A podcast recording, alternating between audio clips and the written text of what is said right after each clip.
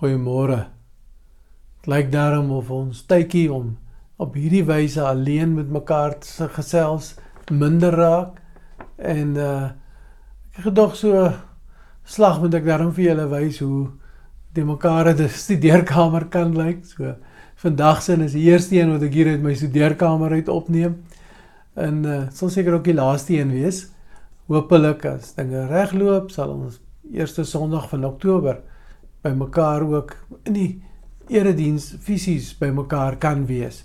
Maar nog steeds moet ook daardie diens uitgesaai vir diegene wat verkies om dit op hierdie om om van die huis af te kyk.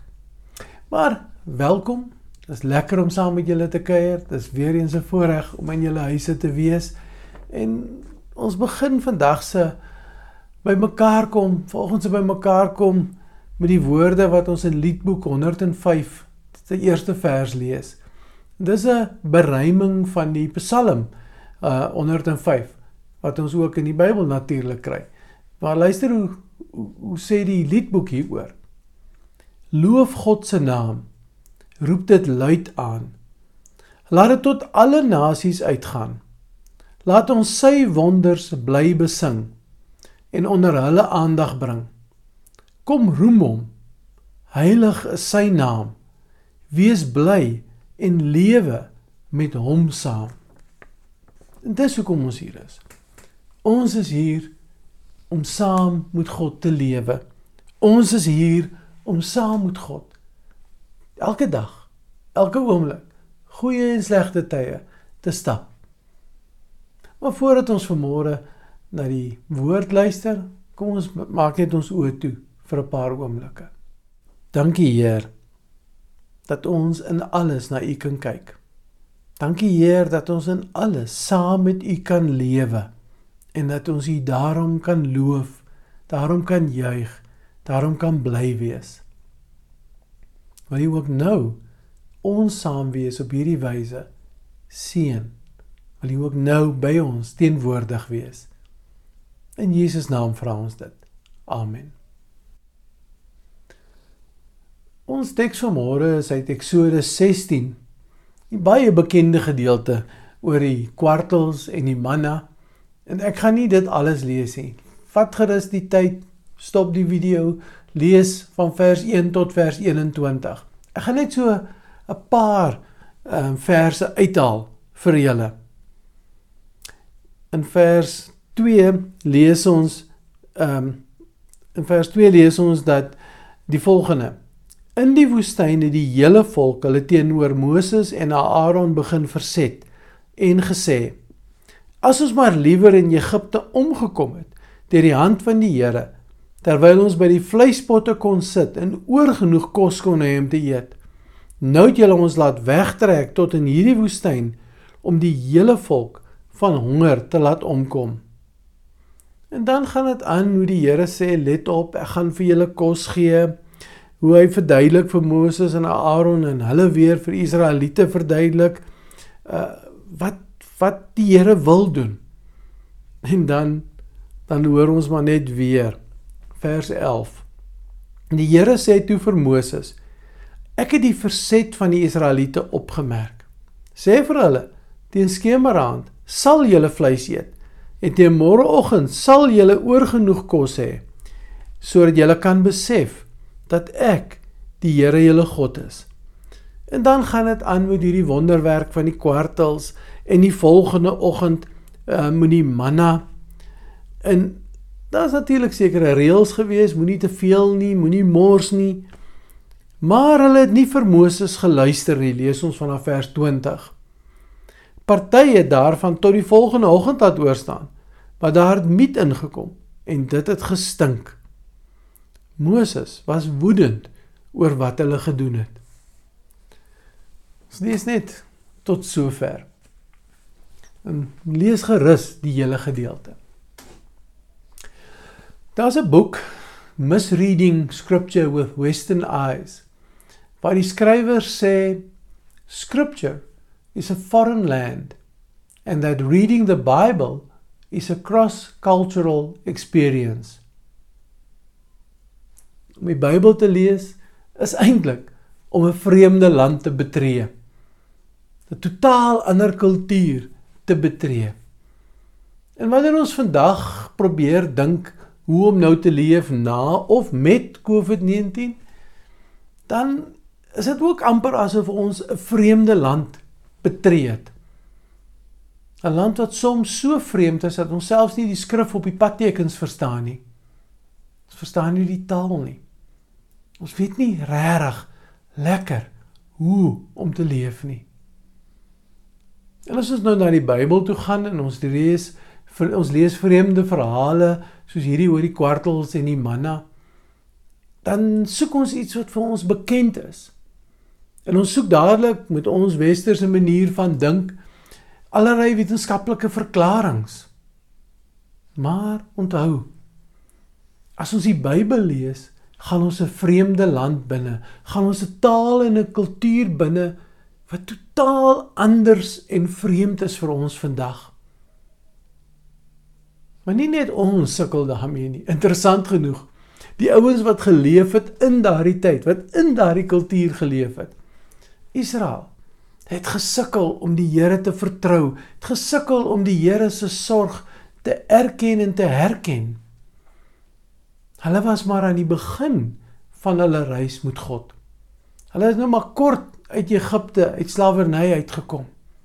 En hulle was werklik besig om fisies 'n vreemde land binne te gaan en selfs 'n vreemde kultuur. Want na 300 tot 400 jaar in Egipte is dit maar al kultuur wat hulle geken het. Dit wat in Egipte gegeld het. Maar die Here bly geduldig met hulle.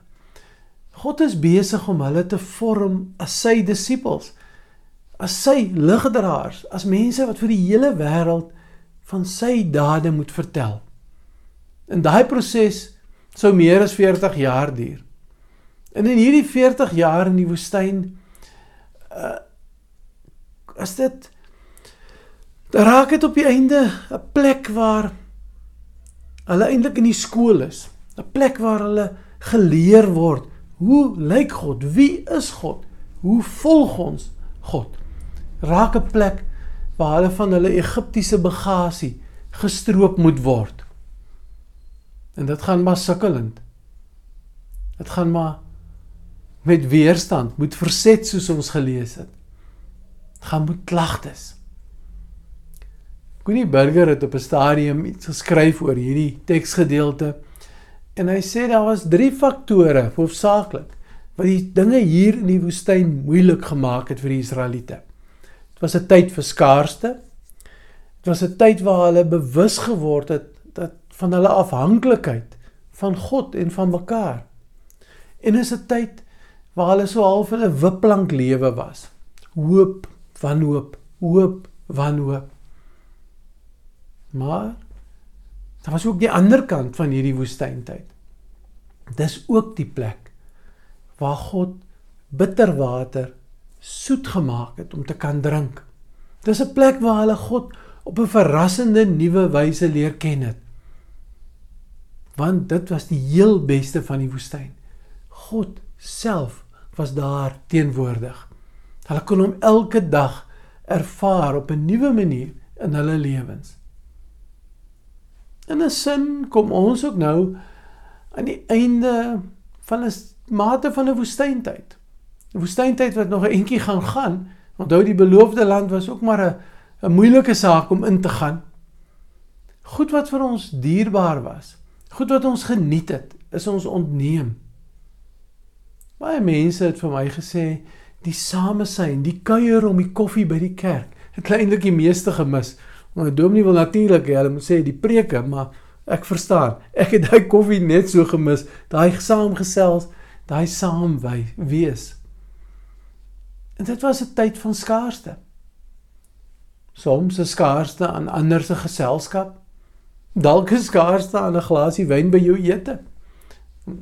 Ander produkte wat mense sukkel om te kry verander doodgewoon 'n skaarste aan kos en geld vir mense wat hulle werk verloor het. Baie mense het ook in hierdie tyd skielik hulle afhanklikheid van God en ander mense ervaar. En baie het nie gehou van daai ervaring nie, want ons hou mos daarvan om sterk te staan. En soos die Israeliete was ons ook maar op en af tussen hoop en wanhoop, soos wat die regering se regulasies ons soms kwaad gemaak het, ons soms hoop gegee het en dan weer kwaad gemaak het. Viktor Frankl, die bekende Oostenrykse neuroloog wat die nasiese kampe oorleef het, het geskryf: Everything can be taken from a man, but one thing, the last of the human freedoms, to choose one's attitude in any given set of circumstances, to choose one's own way. Alles kan weggevat word behalwe jou keuse. Wat maak ek met hierdie situasie? En ons kan vandag ook kies. Wat maak ons met hierdie situasie waarin ons is? Israel vers 2 en 3 het gekla en hulle self verset. Vers 20 hulle was ongehoorsaam. Maar God het aanhou voorsien. Dis die ongelooflike vir my van hierdie hele gedeelte wat ons na gekyk het. En ons kan ook maar kies hoe ons reageer. Ons kan ook kla en ons verset en ongehoorsaam wees en eintlik niks uitrig nie. Dalk selfs net help dat die, die epidemie of die pandemie langer aanhou. Israeliete se manna het vrot geword en gestink as hulle ongehoorsaam was. Of of ons kan God raak sien wat nog die hele tyd in hierdie pandemie, in hierdie woestyntyd met ons was. God wat bitter water soet gemaak het.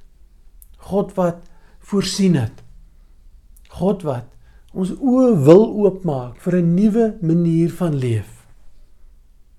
'n Manier wat hom werklik in alles raak sien.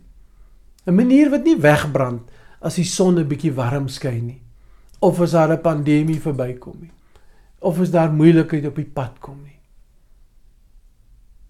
Vertroue is moeilik.